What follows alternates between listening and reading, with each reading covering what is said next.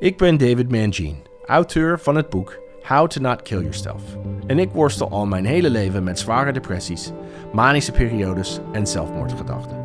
Zware thema's, maar door het op een luchtige manier te benaderen, wil ik ze bespreekbaar maken.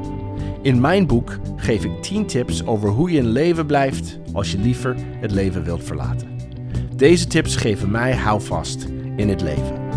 In deze aflevering ga ik in gesprek met journalist, yogini en auteur van het boek Na de Val. Het boek is een intiem verslag van een dochter op zoek naar antwoorden over de zelfdoding van haar vader. Razy Lancaster in the house. Yes. Goedemorgen. yes. Goedemorgen. Wat fijn dat jij hier bent. Ik vind het heel fijn. Ja, Dankjewel. jij ook bedankt. Super thuiswedstrijd voor jou in Amsterdam. Zeker. Ja, toch? En jij kent dit pand Ja, ik ken het vanwege pand. jouw magazine. Ja, Yoga Magazine. Leuk. Wordt hier gemaakt. Ja, En je bent hier al een tijdje niet geweest, neem ik aan, vanwege de maatregelen. dat klopt. Ja, voor het eerst in maanden ben ik hier weer. En hoe voelt het? Het voelt heel fijn. Warm ja. bad. Ja, het is echt een warm bad. Ik denk, Ja. oh ja, wat is het fijn. Hier in deze studio vol met boeken. Dat is ook zo te gek. Dus ja, eh, ja, dus dat gevoel krijg je eh, van boeken. Ja, ik, heb ik ja ik heb thuis ook een hele wand vol. En Ja. Ik denk van, en mensen vragen wel eens van, maar ga je die ooit nog allemaal lezen? Ja, daar gaat het natuurlijk niet Ja. om. Dit zijn gewoon mijn pareltjes. Ik kijk Mm. naar die kafjes. Ik krijg er een gevoel bij, een herinnering bij. Ik word er gewoon heel gelukkig van. Dus ik kan je- niet voorstellen zonder boeken om Nou, me heen. Kan ik me helemaal in vinden. Ben je iemand die verschillende boeken tegelijkertijd leest? Je Ja. hebt één en dan een ander en dan ga je Ja. heen en weer. Ja, zeker. En ik lees Heb ze ook. vaak ook niet helemaal uit, omdat ik dan geen afscheid wil nemen. Dus dan is er nog een pagina of twintig over. En dan denk ik, nou, die bewaar ik nog. Dus ik heb heb ik altijd nog een week. Ja, dus ik heb altijd wel vier boeken met nog twintig pagina's die ik moet lezen. Dat is eigenlijk heel vermoeiend. Klinkt een heel klein beetje verslaafd. Een beetje gestoord. zijn. Gestoord in ieder geval. Kijk, dat is een Ja. goed begin. Nou, over Ja. boeken gesproken. eh, ik heb jou gevraagd om hier met ons te komen babbelen vanwege jouw boek Na de Val. Zoektocht van een achterblijver. Ja, Over de zelfdoding van jouw vader. En, en, en over nabestaanden in het algemeen. ja, Na een, een, een zelfdoding. precies. Ja, ja, Ehm, ja. Kinderen, kinderen van Precies. vooral. Ja, het is eigenlijk een boek dat is begonnen met interviews met eh, kinderen die een ouder hebben verloren, de volwassen kinderen. En als schrijvende kwam ik erachter van, eh, ja, ik ben zelf ook een kind van. En hoe zit het met mijn verhaal? En Ja. toen begon eigenlijk een eh, zoektocht naar mijn eigen verleden, waarin ik de verhalen van de andere volwassen kinderen van heb verweven. En nou ja, voor ik het wist was er een best wel dik boek. En ik dacht, oh ja, Nou ja, vind ik ook heel indrukwekkend. Er zitten veel woorden in. Dus, Ja. dus eigenlijk is het een heel klein beetje Cruyffiaans in de zin van geluk bij een ongeluk. Dit was een opdracht voor een andere magazine. ja, ja, En onderweg ontdekte je, ja, ik heb ook een verhaal. ik heb ook een verhaal, ja. Wat, wat mij steeds terugkomt als ik aan jouw boek denk, en, en ik heb het niet helemaal gelezen, maar wel stukken, is het, het, het schuldgevoel. Heb je dat gehad? Heb je het nog steeds? Gaat het ooit weg? Ja, bij mij is schuldgevoel niet eens het eh, belangrijkste gevoel geweest, Hmm. hoor, moet ik zeggen. Ja. Eh, wat bij mij met name al die tijd, het is in 2001 gebeurd, al die tijd is bijgebleven, is een gevoel van eh, veel vragen hebben en een gevoel van ballast. Ja. En daar zit wel schuldgevoel bij. Maar ik heb ook wel beseft dat het zijn keuze is geweest. Alleen was ik heel erg op zoek naar wat was mijn aandeel dan in zijn keuze. Want ik ben enig kind. Mijn vader had eh, toen eigenlijk nooit gehad eh, veel vrienden. Had geen relatie. Dus met wie praatte hij over zijn depressie, over zijn eh, eh, eerste zelfmoordpoging en over zijn doodswens? Ja, hij praatte daar met mij over. En toen ging hij dus dood. Hij heeft het een keer geprobeerd in 2000. In 2001 is hij overleden. Toen dacht ik, ja, wat had ik misschien anders kunnen doen? Ja. En wat was mijn rol hierin? En, Ja. en schuld vind ik al een te groot, te zwaar stempel. Ja. Maar juist die twijfel daaromheen heeft heel lang toch wel een beetje aan mij ge, ge- gevreten, zeg maar. Het gevoel van ehm, wa- wa- waar, waar ligt mijn rol hierin? Ja, waar Ja. ligt mijn rol in? Ja, Eh, ja. Goeie vraag. Nou, sowieso, het viel me op in een artikel in Parool gisteren dat jij zei, vond ik ook heel ontroerend en mooi. Hij had er eigenlijk voor mij moeten zijn, niet ik voor hem. Ja, Hij was volwassen, hij is de vader. ja zeker. Ook ja. heel maf en bizar dat Ja. het dan zo loopt. Ja, en dat merkte ik ook wel bij de interviews en de gesprekken met de andere volwassen kinderen. Dat die rol zo snel eh, eh, omdraait op het moment dat je als kind, maar ook denk ik wel eh, als naaste. Ja, misschien heb jij daar zelf ook wel in je relatie zit ik nu soms gelijk aan te denken, dat, dat rollen verschuiven. Dat, je, dat je als naaste, of het nou eh, jij bent als kind of een partner, eh, de rol gaat, eh, op je gaat nemen van verzorger. Ja. En je gaat allerlei ballast op je nemen die eigenlijk niet van jou is, maar je wil iets doen. Ja. En ja, Ja, ik, ja, sowieso heb ik last van savior syndroom. Dat wel, dus ik, ik herken het wel. Mhm. Maar de andere kinderen in jouw boek, wisten zij dat jij zo'n verhaal had tijdens de interviews? ja Ze zeker. wisten het wel? Ja, ja, ja, ja, dat was voor mij wel belangrijk hoor, dat ik dat meteen Ja. vertelde. Van, ik ben ook gewoon heel erg benieuwd naar hoe doen andere mensen het nadat een ouder uit het leven is gestapt. Ja. Hoe, wa- wat voor proces hebben jullie doorgemaakt? Eh, daar was ik heel erg benieuwd naar, want ik heb eigenlijk nadat mijn vader was overleden, ik was toen 26, ja, ik, ik wist gewoon echt niet waar ik terecht moest. Ik dacht, ik moet, ik moet hulp, ik moet dit even oplossen, ik moet dit fixen. Maar waar dan? En Hmm. het is echt een andere tijd. Het is eh, eh, bijna twintig jaar geleden nu. En nu wordt er gelukkig meer en meer over gepraat. Eh, je kunt nu naar eh, bijvoorbeeld eh eh, eh, 113 online. Je kunt op allerlei mogelijke manieren hulp vragen. Dat was toen echt wel anders. Ja. Dus ik heb het maar gewoon een beetje weggemoffeld. En ja, ik was veel jonger, dus ik vond het sowieso een beetje een gênant onderwerp. Ja, ja god, mijn vader heeft zelfmoord gepleegd. Ja, Ja. wat, dan krijg je daar weer allemaal vragen Ja, over. Nou, weet je, lastig. ik, eh, ik laat het maar even zitten. Ja. En voor je het weet ben je tien jaar verder. Gek hè? Dat, Ja. dat gaat hard. Ja, het gaat heel hard, En ja. de andere kinderen, hebben ze, hebben ze ook echt kunnen verwoorden aan jou wat hun proces was? Hoe, hoe ze het deden? Ja, het- het is wel heel interessant hoe verschillend mensen daarmee omgaan. Ehm, ik heb één iemand in het boek die wilde anoniem blijven. Want die had Ah. toch het gevoel van... ja, het is dan wel mijn moeder die het heeft gedaan... maar dadelijk gaan mensen denken dat ik ook gek ben... en dadelijk dan krijg ik daar gedoe mee op mijn werk... en dadelijk dan... Dus dat is, vond ik heel heftig. Ik dacht, jeetje, het is zo'n taboe en er is zoveel schaamte over het onderwerp dat, dat mensen gewoon niet met hun naam en toenaam eh, in het boek willen. En ik heb ook een vrouw geïnterviewd, die was nog vrij jong eh, toen haar vader overleed. En die heeft zich gewoon helemaal teruggetrokken. Die zei, ja, Hmm. ik ben nu, eh, hoe oud was ze op dat moment? Ze was in de 50. Ehm, ze kwam erachter van, ja, het is eigenlijk nog een totaal open wond. Ik wil er eigenlijk helemaal niks mee doen. Ik heb het nu verteld, maar ik trek me helemaal terug en Ik stop ermee, Ja, ik stap eruit. ik wil, Dit ik, wil is- dit, eh, ik wil het hier niet meer over hebben. Oh, heftig. ja, en dat, dat is echt heel pijnlijk. Dat je denkt, jeetje, je loopt je hele leven met een ballast op je schouders... die jij niet hebt verzonnen, die jij niet hebt gecreëerd. Het is de keuze van de ander geweest. Maar je laat je hele leven door, door beïnvloeden.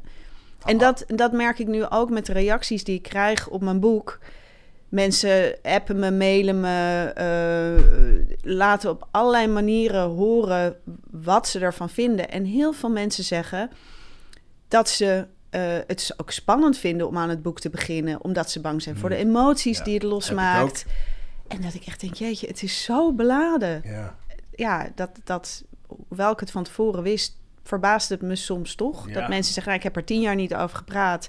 Ik ga nu aan het boek beginnen en ik ga nu misschien eens een keer het nou ja, aan mijn kinderen vertellen. Of, Ja. nou ja, het, het is... Dus je, vond je dat je op een gegeven moment tijdens de interviews een soort van therapeut werd in plaats van journaliste of lotgenoot Nee. of dat gebeurde niet? Nee, ik bleef wel echt de journalist. Dat Ja. heb ik mezelf wel ook... Yes. eh, ja, precies. Ja. Knap hoor.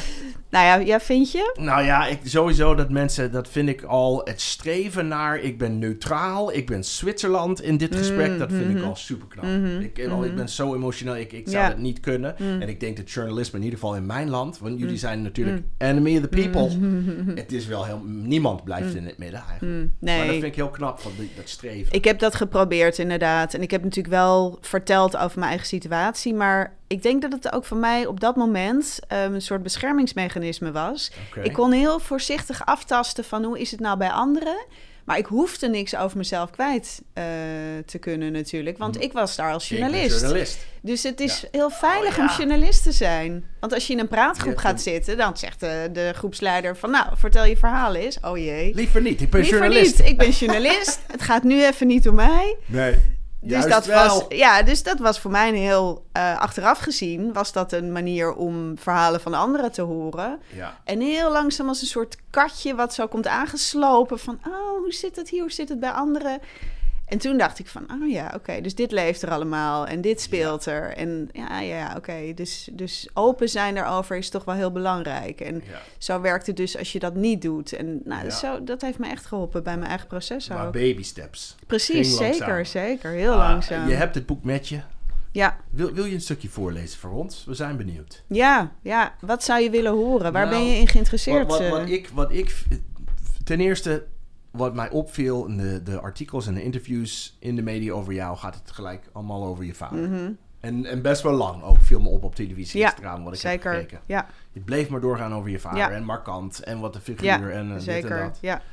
Uh, maar ook je moeder was depressief. Ja. En dat je je op een gegeven moment afvroeg, heb, heb, ik, heb ik, gaat dit mij ook eh, Mhm. overkomen? Ja. Omdat ik het van de beide kanten, van mijn moeder en mijn vader. Ja. Dus dat vind ik wel interessant. Misschien is daar, kun je daar ja, zeker. Ja, ja inderdaad. Ja. iets over zeggen of Ja, ik, eh, ik kan iets voorlezen over ehm, dat ik zelf inderdaad me ook down heb gevoeld. Hmm. Ehm, en ik kan ook, maar dan moet je maar even zeggen, ik kan ook iets voorlezen over hoe het voelt om als eh, naaste. Ah. met iemand ehm, koffie te drinken waarvan je voelt van het hangt in de lucht. Ik mag kiezen. Jij mag kiezen. Yay! Yay. Ik wil allebei, eerlijk Jawel, gezegd. allebei. Zullen we beginnen met de naaste? Dat, dat spreekt me ook aan, want ik denk vaak over mijn dierbaren naast mij. Ja, Dominique en Ja. de kinderen. precies. Wat voor impact mijn bipolaire stoornis Ja. en mijn depressies op hun hebben. Dus ik zou het heel, heel fijn vinden om, om te kunnen horen. Ja, want jij vertelde net dat op de dag dat jouw boek uitkwam in februari, dat je in een depressie. Diependal. Dat wil ik dan, ga ik het nu voorlezen, maar dan wil ik daarna dat ook eigenlijk wel heel graag van jou horen, want dat klinkt Bij ook deze. wel. Wat ik ga voorlezen is een eh, situatie niet lang voordat hij eh, een einde aan zijn leven maakt. Hij heeft op dat moment een jaar eerder al een poging gedaan en is gerevalideerd. Hij heeft ongeveer een half jaar lang gerevalideerd na zijn sprong uit het raam. Maar voor mijn gevoel hing het nog steeds in de lucht dat hij eh, niet meer wilde leven. Ja. En ik beschrijf nu een setting waarop we samen door, een, eh, eh, door het Rijksmuseum lopen. Op een zondagmiddag in Amsterdam. Mm. We liepen zwijgend door de tentoonstellingsruimte. Dat mijn vader niet druk praatte, eigenlijk helemaal niet praatte, verbaasde me zo dat ik ook stil viel. Ik realiseerde me dat ik niet gewend was aan stilte tussen ons en had opeens geen idee wat ik moest zeggen. Ik kende mezelf in gesprek met hem alleen maar in de modus waarbij ik mijn best moest doen er iets tussen te krijgen. Of waarin ik op een soort automatische pilootstand stond en op gezette tijden ja pap en zeker pap zei. De stilte tussen ons was in eerste instantie niet onaangenaam, het had wel iets rustgevends. Zonder iets te zeggen liepen we van de ene naar de andere zaal. Maar na een half uurtje werd ik gespannen van de stilte. Ik begon naar onderwerpen te zoeken. Wat gingen we hierna doen? Eh, nog even koffie drinken, hier of in het museumcafé of ergens anders. We besloten naar de overkant te lopen, naar Brasserie Keizer. We namen koffie en praatten een beetje obligaat over wat we hadden gezien. Tegen zessen wilde ik wel weer weg. Misschien kwam het door de ongemakkelijke stiltes die die middag waren gevallen. Misschien door iets in zijn blik, iets in zijn houding. Ik kon het niet goed duiden. Er hing een zweem van zwaarte en lusteloosheid om hem heen die me onrustig maakte. Er gebeurde iets daar, rondom hem, maar ik kon niet duiden wat. Alsof hij werd omringd door een zwerm irritant zoemende muggen die bezig waren om het leven uit hem te zuigen, waar ik bij zat. En hij liet het toe, gelaten en passief. Het gezoem had effect op mijn hele wezen. Het maakte me gespannen. Mijn hartslag ging er iets door omhoog en het leek alsof mijn keel steeds verder werd dichtgeknepen. Zo. Le- fysieke verschijnselen, letterlijk. Voel je, voel je dat als je dat voorleest? Ja, ik voel het nu ook weer. Ja, Ja, ja, ik voel ook, ik voel me echt een beetje zo huilerig worden. Ik denk Ja. van, oh, het is zo'n machteloos gevoel dat je tegenover iemand zit en je ziet, het gaat niet goed. Maar De dood trekt aan hem Ja, en dat doet hij al maanden. Mijn vader had al een keer een poging gedaan en voor hetzelfde geld gaat het straks weer gebeuren. Maar wat kan ik doen? Ik kan hem moeilijk vastbinden. Ik, kan, ja, ik, ik moet op een gegeven moment weer mijn eigen leven in en ja. op hoop van ha- zegen. Had je, had je die emoties voor zijn eerste poging? Of, of is dat voornamelijk daardoor dat hij een poging al gedaan had en je dacht, komt het nog een keer? Ja, dat laatste. Ja. Want eh, ja, ik weet niet hoe jij dat ervaart in jouw omgeving, maar ik denk dat als iemand het nog nooit eerder heeft gedaan, dat je altijd ergens denkt dat gaat niet gebeuren. Ja. Of, of Ja, hoe ja, voelt dat voor like, jou? Er is zit een seed soort... planted moment. Ja, nee, ik snap heel goed wat, wat je bedoelt. Dus het, het, het is gewoon erger de tweede keer. Dan denk je, ah, we, we Het gaan kan. daar- het kan. Het kan. Het kan. Ja, Dat. precies. En de eerste keer, het is zoiets enorms, zoiets groots. Zo noem je het ook in je, in je boek, het, het, allerergste. Of het, The, really scary thing. ja, precies. Het echt, echt angstjagende. angstaanjagende, Aanjagende precies. is ja, vertalen. Ja, inderdaad. The ja. really scary thing is from an American comedian named Doug Stanhope. En hij praat heel openlijk over zelfmoord, Mm. Mm, En hij mhm. noemt het the really scary Ja, precies. Ja. You were really scared in Ja, dat stukje. zeker. Echt, ja, eh, het ja, tot absoluut. fysiek aan toe. Ja, ja. En had hij dat door? Dat jij je zo voelde? Ik denk eigenlijk dat als je zelf in zo'n tunnel zit waarin je, zoals ik hem me nu herinner, eigenlijk alleen maar, bijna alleen maar bezig bent met ik wil eruit, hoe kom ik hier uit? Je zit in een soort tunnel, dan ben je niet zo bezig met hoe iemand anders zich voelt. Dat zeg je goed. Het is een vrij egoïstische toestand. Ja, Ik ben, als ik heel donker ben, dan ben ik wel bewust van dat ik impact heb op ze. Maar kan er niks mee. nee, het is Ik- meer een ik- gegeven. ja, precies. Ik, ik zie het, Ja. hoor het en ik zie ze kijken. En ik kan ook, da- daarom, ik, ik herken mezelf in je vader in de zin van dat er niks uit me komt. Ja, Het, en tegenovergestelde manische bui kan ik niet Ja, stoppen. Ben ik niet te stoppen. ja, en dan ja, tegenovergestelde is net jouw vader in het Rijksmuseum. Bijna niks. Ja. Heel stil. En dat is dan wel ook voor je omgeving wel vrij scary. Ja, Ja. want jij bent waarschijnlijk ook iemand van het gaat maar door en kan ik er even tussen. Life of the party. en, dan, en dan niet. En Precies, dat is, dat, is, dat is echt heel eng, ja, inderdaad. Ja, zeker. Ja. Maar hij kon er niks mee. Hij deed er niks mee. En Jullie hebben obligaat, dat is een woord wat ik net heb, net heb geleerd van jou. Ehm, een beetje koetjes en kalfjes praten en dat koffie drinken. Maar verder deed hij er niks mee. Kon, nou ja, ik heb ook in mijn boek gesprekken eh, staan van opnames. Ik eh, werkte in die tijd als radiojournalist en ik had mijn audio-setje vaak bij me. Ik vond het Mhm. leuk om opnames te maken. Als Ja. ik met vrienden in de kroeg zat, dan dacht ik, oeh, nu zitten we echt uit taped. Ja, nu zitten we echt uit ons nek te lullen. We doen eventjes werk. En morgen is het gewoon eh, feest. En dan denken we, wat hebben we in godsnaam allemaal lopen blaten? Die huft er van Ja. jou. Was heel leuk. Maar ik deed dat ook bij mijn vader. En op een gegeven moment zitten we samen aan de keukentafel. En gaat hij het erover hebben dat hij niet meer wil leven. En toen heb ik ook gedacht, ik ga dit opnemen.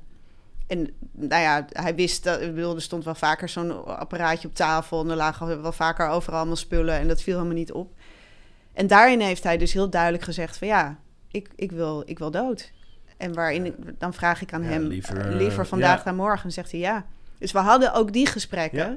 Maar op een gegeven moment ben je daar ja, ook mee klaar. En dan ga je dus leuke dingen doen, zoals samen naar een museum. Maar ja, Wetend dat hij dat voelt. maar het hangt wel in de lucht. Het is heel bizar. Even van diep ademhalen.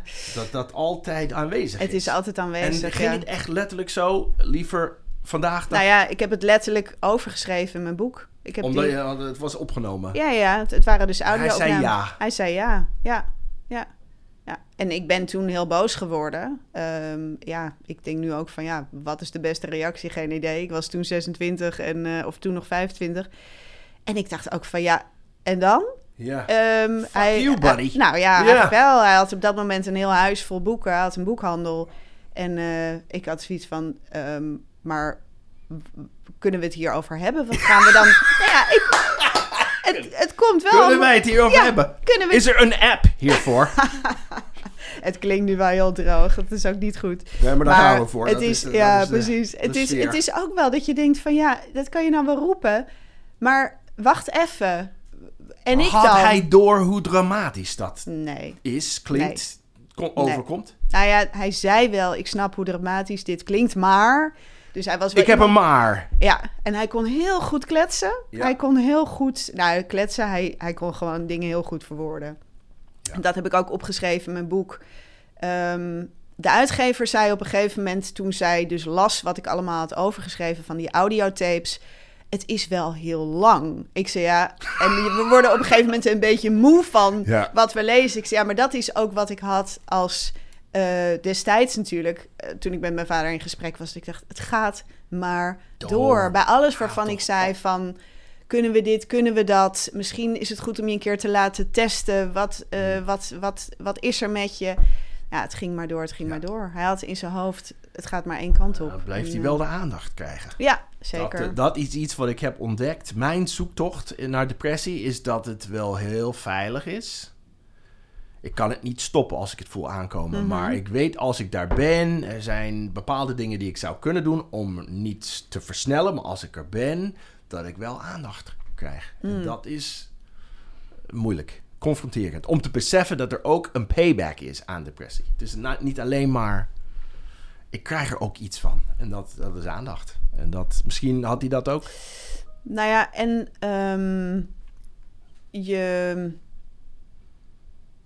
je, hoeft, je hoeft ook even niks. Ja, nee, dat. Ja. Want je hebt die Iemand anders depressie. gaat het doen. Ja, ja precies. ja. Uh, ben jij wel eens depressief, Razy?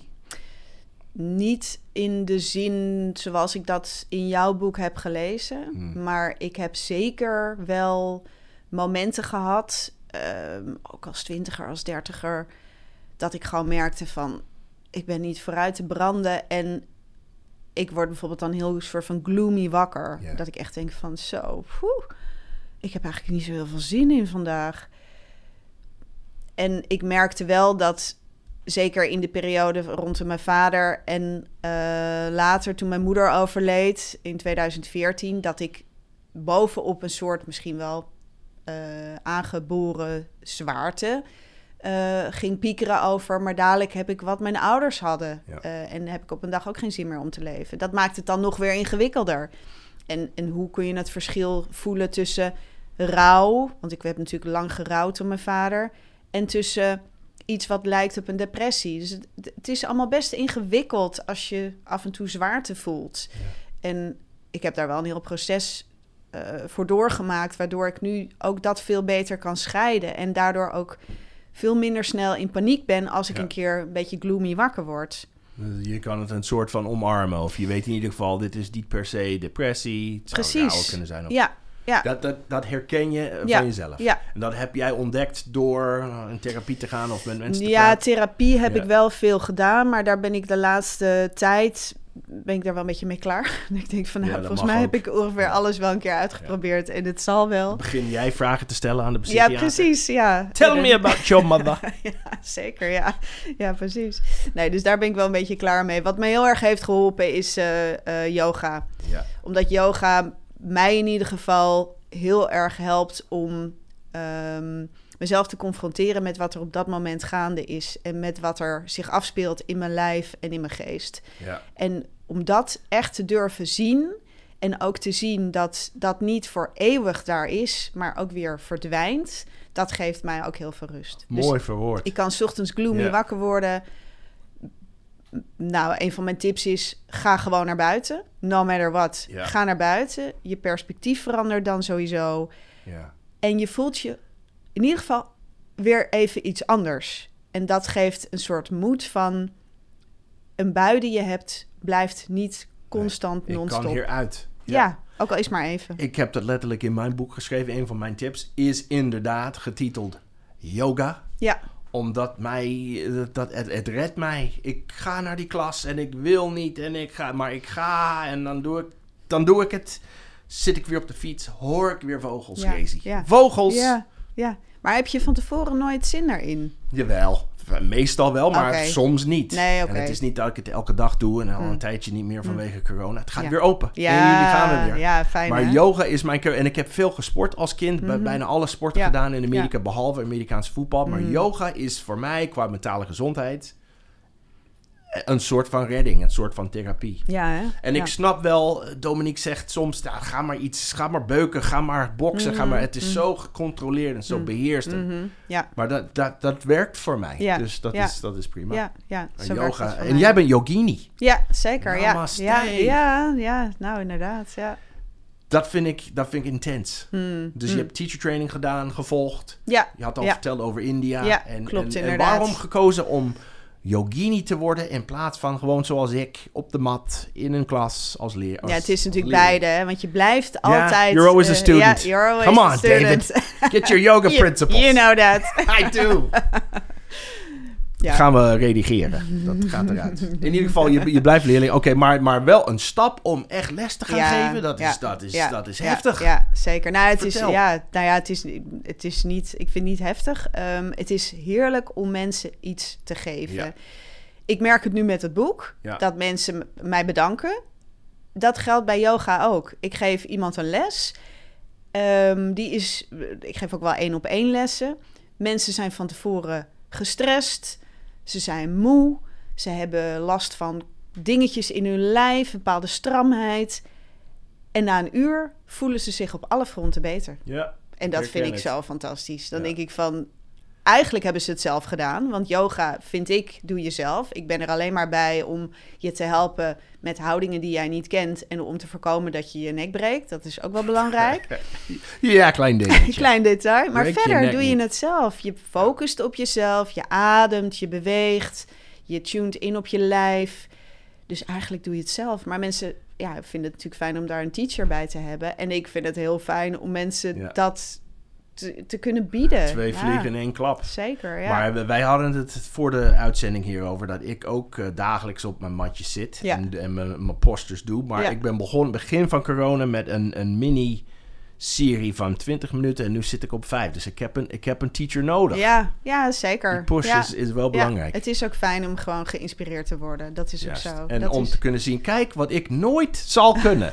Hoe zij die dog doet, forget about Ja, it. dit is je ego dat Ja, spreekt. kijk! hè? Let the ego go. In ieder geval, yoga is een van de tips in mijn boek. Mm, ja. Ah, en dat, dat helpt jou ook. Ja, maar is, is het schrijven van het boek voor jou therapeutisch geweest?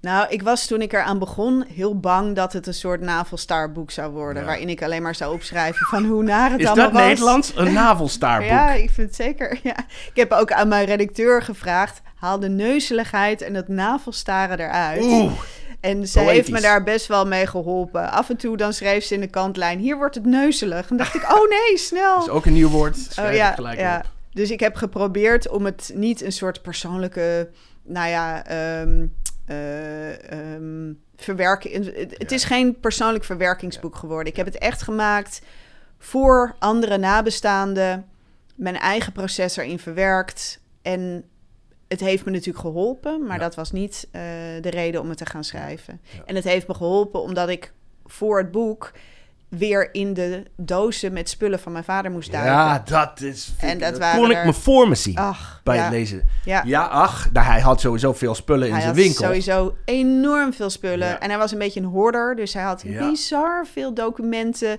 brieven, metrokaartjes van toen hij tien was. Nou, toen bestond er misschien nog geen metro. Nou, in ieder geval, hij had documenten vanaf jongs af aan tot aan zijn dood verzameld. En bij alles dacht ik, ja, misschien toch wel belangrijk, ja. Hm, daar misschien, word jij ook hoorder van. Heb je alle emoties gevoeld eh, eh, tijdens het zoeken door al dat spullen? Ik bedoel, ik Hoeveel emoties zijn er? Nou ja, het is eindeloos, ja, denk ik. dat bleef maar doorgaan. Ja. Heb je dat in je eentje gedaan? Want je moeder was er niet. Nee, klopt. Ja, nee. Mijn moeder is in 2014 overleden. Toen begon het boek zo'n beetje te ontstaan. Dus ik heb het eigenlijk... Maar zij was er, en dat laat ik haar ook in het boek eh, zeggen... ze was ook wel een beetje klaar met het onderwerp zelfmoord. zei ze. Ze daar was er een je beetje klaar mee. Ja, Dat hoeft niet meer. maar zij is ook depressief geweest. ja, ehm, ik, ja, ze is wel... Ja, ik denk het wel. Ja. Ehm, ze, ze dronk haar hele leven al heel gezellig elke eh, avond een wijntje. Ja. Wat op zich eh, prima is, dat doen wel meer mensen. Maar langzaam maar zeker werden dat twee, drie, vier wijntjes, een- eigenlijk een flesje per dag. En daarnaast lekker roken, want zij kwam Ja. uit een journalistennest. En dat deed ze ook al gewoon haar hele leven. Want journalisten roken. Jij moet If roken. you're the enemy of the je- people. Precies, Je moet roken. Roken en Heb je, drinken. rook jij? Nee. Heb je wel eens gerookt? Ja, ik heb wel eens Ben je gerookt. verslaafd aan nicotine geweest? Nee, nee, dat heb ik nooit mezelf Het is toegestaan. al heel knap met Ja. een ouder die dat wel was. Ja, maar daarom Ja. wilde The ik hell's het wrong with you. Razy? Ongelooflijk. Ik heb een ongelooflijke, ja. Ja. precies. Nee, ik wil gewoon niet verslaafd raken Nee. aan iets. Dat vind ik echt Amen. afschuwelijk. Ja, dan ben je Snap ik afhankelijk. Ja. Ja. Ja. Ja. nee, echt het idee alleen al. Nee, dus voor mijn moeder was dat wat moeilijker. En ehm, ja, daar word je denk ik uiteindelijk vanzelf depressief van. Ja.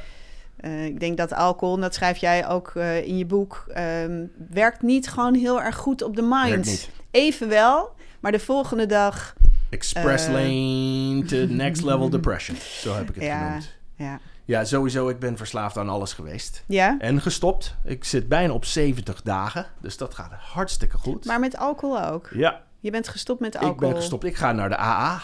Oh ja? Ik vind het geweldig. Ja, Echt. ja. Ja. nee, het is... Sowieso, mijn vader is, is alcoholist en mijn broer het zit in de familie. Dus Ja. AA is een cultuurding in onze Mm, familie. mm. Hij het, heeft de familie gered, eerlijk gezegd. Hmm. En ik heb altijd hiermee geworsteld. En Mm. ik dacht, nee, nu wordt het echt. Dus ik ben naar een bijeenkomst Mm, geweest en het, en het werkt voor mij. Dus dat is heel fijn. En we hebben een tweede stukje die we gaan voorlezen, hopelijk. Want jij had één over, over mensen naast je, maar dan er was een andere dat had ook iets met je moeder te maken. Of in ieder geval met jou, dat jij dacht, heb Ja, ik hier inderdaad. last van. Ja, wil dit wil is, je dat eh, voor, ja. voor, voor ons voorlezen? Ja, dit is eigenlijk een Dankjewel. stukje ehm, waarin ik beschrijf hoe het voor mij voelt eh, als twintiger om me down te voelen. En hoe dat verweven kan zijn met, nou ja, in dit geval dan mijn vader. Ja. En ik beschrijf, ehm, ik herinner me een zonnige middag in april. Ik was net twintig. Ik studeerde een jaartje economie voordat ik aan journalistiek begon. Ik was single en zat in mijn eentje op het balkon van mijn moeders huis in de zon. Het was zaterdag en ik had niks te doen. Ik voelde me moe, leeg, zwaar, lui. Ik kon niets ondernemen, de stad ingaan, iemand bellen, opruimen, studeren, lezen. Ik kon het ook niet doen. Dat kon namelijk helemaal niemand iets schelen.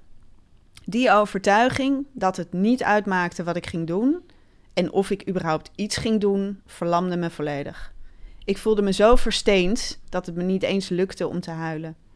Ik wilde niet zijn waar ik was, maar toch bleef ik zitten. Ik zat, tot het pijn begon te doen. Steeds harder en agressiever drong diezelfde gedachte aan me op. Het maakt allemaal niets uit. Het maakt allemaal niets uit. Het maakt allemaal niets uit. Ik wil daar net aan toevoegen: jij maakt niet uit. Je kunt net zo goed dood zijn. Maar toen ging de telefoon. Nou, en dan beschrijf ik hoe ik een telefoontje krijg van een of andere medestudent, een of andere vage gast die dan mee, me mee wil nemen om te gaan borrelen. En dan denk ik, oh, nou, mooie afleiding, zo, gevoel gaan aan de kant, borrelen. we gaan borrelen, we gaan de stad in, prima. Nou ja, vervolgens beschrijf ik dat dat lege gevoel wel een aantal jaar heeft aangehouden. En dat ik vervolgens ook wel ben gaan eh, nadenken van, wat was dit? En ik heb ooit in een eh, dossier iets gelezen, een dossier van een psycholoog, eh, levensfase problematiek. Nou, dat kan natuurlijk op die leeftijd dat je aan alles twijfelt. En ik lees in jouw boek ook een fase waarin je, nou ja, je nogal zwaar voelde en waarin het heftig was. Dus ja, wat is wat? Maar ik beschrijf in mijn boek ook dat ik me afvraag van, zeker naarmate ik me meer aan het verdiepen ben in het verhaal van mijn vader, vraag ik me af of dat zware misschien bij me hoort. Mm. En of het meer is dan een fase. Zou het iets genetisch zijn? Zou zijn zwaarte ook in mij zitten, verankerd in mijn DNA? Onontkoombaar en een beetje sudderend op de achtergrond. Zogenaamd niet aanwezig, maar klaar om aan te vallen als ik even niet oplet.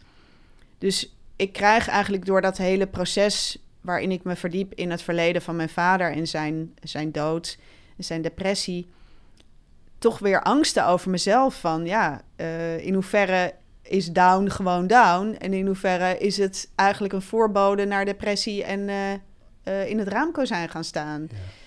Ja. En nu durf ik er inmiddels wel op te vertrouwen dat dat niet ehm, zomaar gaat gebeuren. Maar ik heb daar best lang mee geworsteld met die, met die kan ik- angsten. Dat kan ik me voorstellen. Ja, Eh, ben je, ben, heb je altijd geschreven? Is dat altijd iets? Ik bedoel, als je journalist bent, dan Ja. hoort dat erbij. Ja, ik heb eh, nou ja, ook eh, stapels dagboeken van toen ik, ik denk op mijn zesde ben ik begonnen met Ja, schrijven. Ik ook. En eh, Ja. ja, heb je dat ook? Ja. Ja? Zeker. Ik, ik weet nog, we gingen naar The King and I, was a play, Mhm. in de buurt van mijn oma. En ik kwam terug en schreef het hele, alles wat ik had gezien, schreef ik op. Heb ik van mijn moeder recentelijk weer gekregen. Wat leuk. Ja, Ja, dat vond ik heel fijn. Om te weten, kijk wat ik geworden ben, dat wilde ik toen al. precies. Dus dat, eh, dat Ja. vind ik fijn. En ik Ja. sowieso, schrijven is mijn manier van de wereld Mhm. verwerken. Het, Ja. het, moet, het moet op papier. Ja, precies. Ja. Heb je dat ook? ja, zeker. Ja, absoluut. Ja. Ja. Ja. Ik, één ding viel me op. En dit, dit moet ik jou vragen. Je hebt een boek geschreven. Volgens mij zijn het 80 80.000 woorden. In ieder geval Mhm. veel meer dan de mijne. Ah, en, en, en, en wat mij opviel in interviews met jouw vader... is dat hij een allesomvattende boek zou gaan schrijven. Oh ja. Dat is niet gebeurd. Geblokkeerde schrijver, geblokkeerde kunstenaar. Maar kijk wat jij hebt gedaan. Ja. Heb jij het werk gedaan wat hij wilde doen? Ah, Nou, ik Kan heb, dat? Nou, ik heb in ieder geval wel ehm, het gevoel gehad van...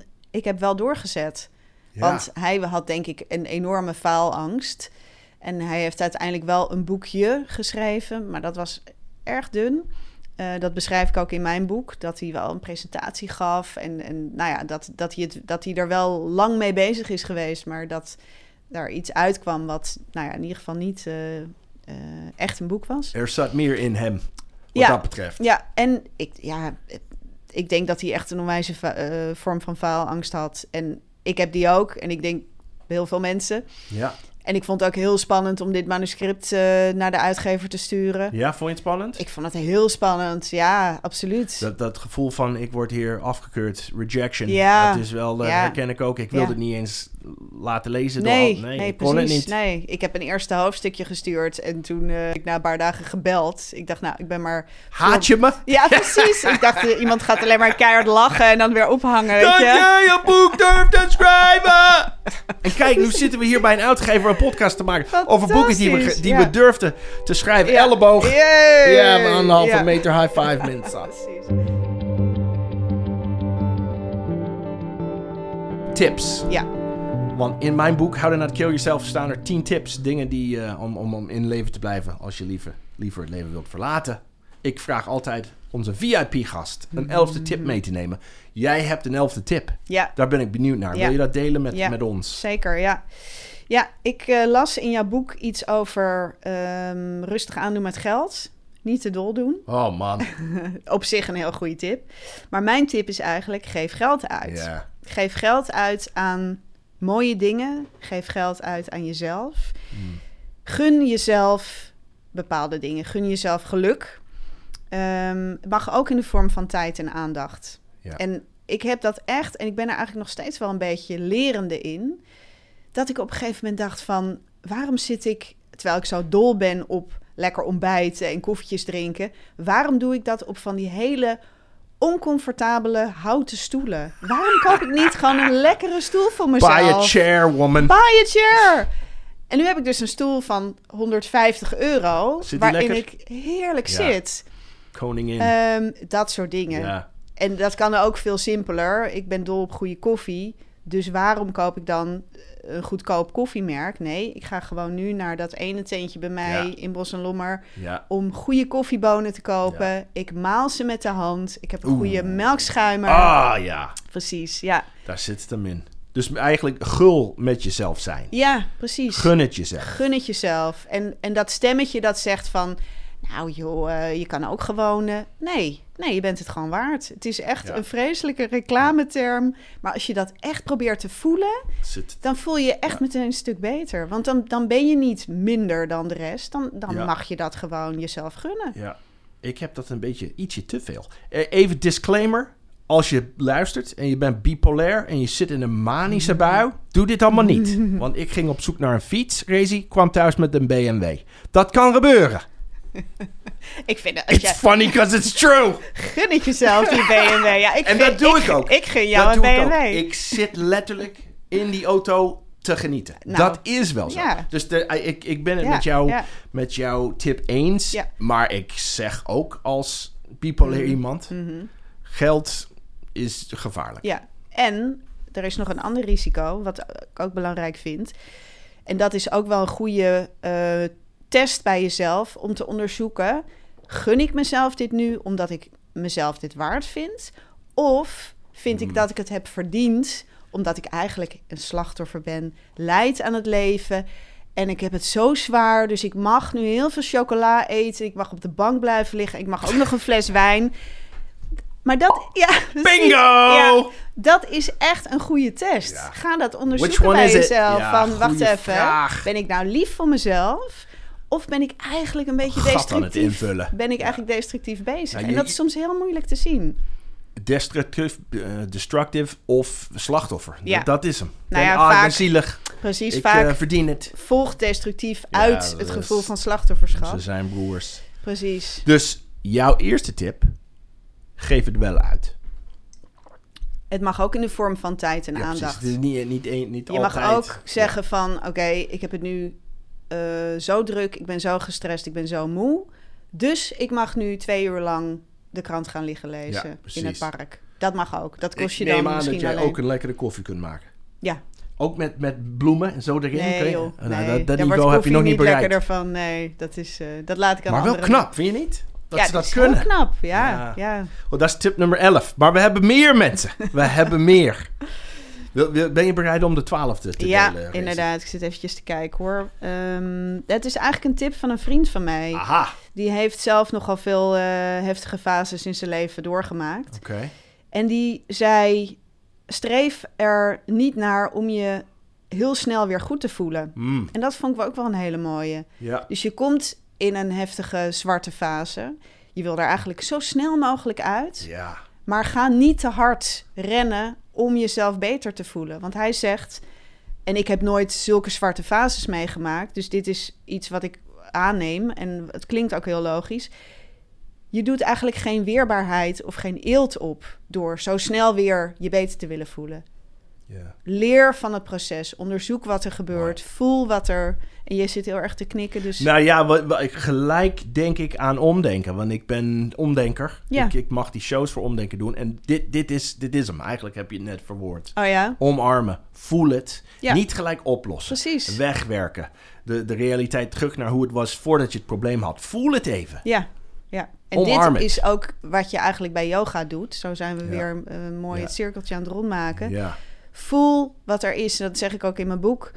Sit with it. Sit with it. Het is er. Het is er. Het is kut. Het is er. Is het er nog Ja. steeds? Eh half uur later. Ja, het is nog steeds. Oké, nou dan wachten we half uur later. Nou, het is nu al minder. Dus sit with it. Bij omdenken noemen wij het shit. Punt. Ah, Het is shit. mooi. Punt. Ja, precies. En ja. meer is er niet. Ja. Het is shit dat het shit is. Ja. Maar Ja, oké. Precies. Shit. ja. Dat kunnen wij niet in de Engelse shows kunnen we niet doen. Dat is niet netjes. Oh. Um, it sucks, period. Hmm. We took shit out of it. But Dutch people say shit. Uh, Rezi, het boek heet Na de Val. Als ik het wil, kan ik het bij jou bestellen. En dan krijg ik het uh, een autograph, getekend. Als je het bij mij bestelt, eh, dan ga je naar mijn website en daar zie je het vanzelf staan. Dan kun je mij eh, op allerlei mogelijke manieren, via een mailtje, een appje, een eh, messenger, Instagram, kun je me bereiken. En dan krijg je een eh, opdracht erin, een persoonlijke opdracht. Een opdracht. Wat, Ja. zou dat, wat zou dat kunnen zijn? Ja, het, eh, Dan verzin je ik verzin dat gebaseerd op het persoon. Ja, precies. Ja, Ja. dus gewoon een persoonlijk tekstje. Studiolancaster.com. .com, racylancaster.nl. Oké, dat allebei. is nog makkelijker. Is, ja, is, het, ja. is het En je mogelijk? kunt het natuurlijk ook bestellen via Libris. Dan steun je de lokale boekhandel of via bol.com. Ja. Maar je kunt het ook bij mij bestellen. Dus er zijn En, en, en wanneer is de volgende yogaklas? Vandaag? Eh, die is... Nou, in de studio mag ik weer vanaf eh, juli. Dus dan eh, ga ik weer in de studio lesgeven. En Heb, tot die weet tijd, je al hoe het gaat zijn met anderhalve meter en niet te veel mensen? Is dat al uitgestippeld voor jullie? Ja, dat eh, dat, daar zijn al plannen over. Ja. Ja, ja, dus eh, we gaan het- zien. Denk je dat het heel anders wordt? Dat, zo'n sfeer met, met anderhalve meter? Nou, het is ergens ook wel fijn dat je wat meer ruimte hebt hè, in de studio. nou ja. Vind je niet? Ja, ja, maar onze klassen zijn best wel ja, druk. ja, mensen bij heel Bikram is dat. Ik vaak... wil je zweet niet voelen, man. Precies, ja. Zo nou, lekker is het ook ja, niet. vaak krijg je dan zo'n druppel in je oog op een gegeven moment van iemand naast je toch Dat is wat ik me van Bikram herinner. Dat is absoluut zo. En niet lekker. Nee, niet lekker. Ik kan er wel tegen. Ik ben een bikkel. Maar ja, fijn is het niet. Racy, ik vond het geweldig dat je er was. Ik vond het ook fantastisch. David. Dankjewel. Dankjewel. Het ga je goed. Jou ook. Ciao. Ciao.